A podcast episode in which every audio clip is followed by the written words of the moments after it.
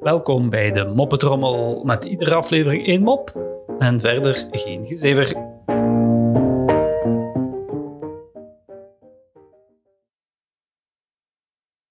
Een koppel heeft samen 13 kinderen, waarvan 12 blond haar en blauwe ogen hebben. Echter, één kind, genaamd Markske, heeft zwart haar en bruine ogen. Op een dag ligt de vrouw van het koppel op haar sterfbed en haar man zit dicht bij haar. De man vraagt aarzelend: uh, Ons Markske is toch wat anders dan de andere kinderen. Heeft hij misschien een andere vader dan de rest? De vrouw antwoordt kortaf: Ja. Paast vraagt de man verder: En uh, wie is dan de vader?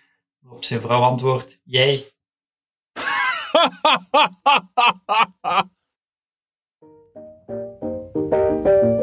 Zo, dat was de moppetrommel voor vandaag. En tot morgen.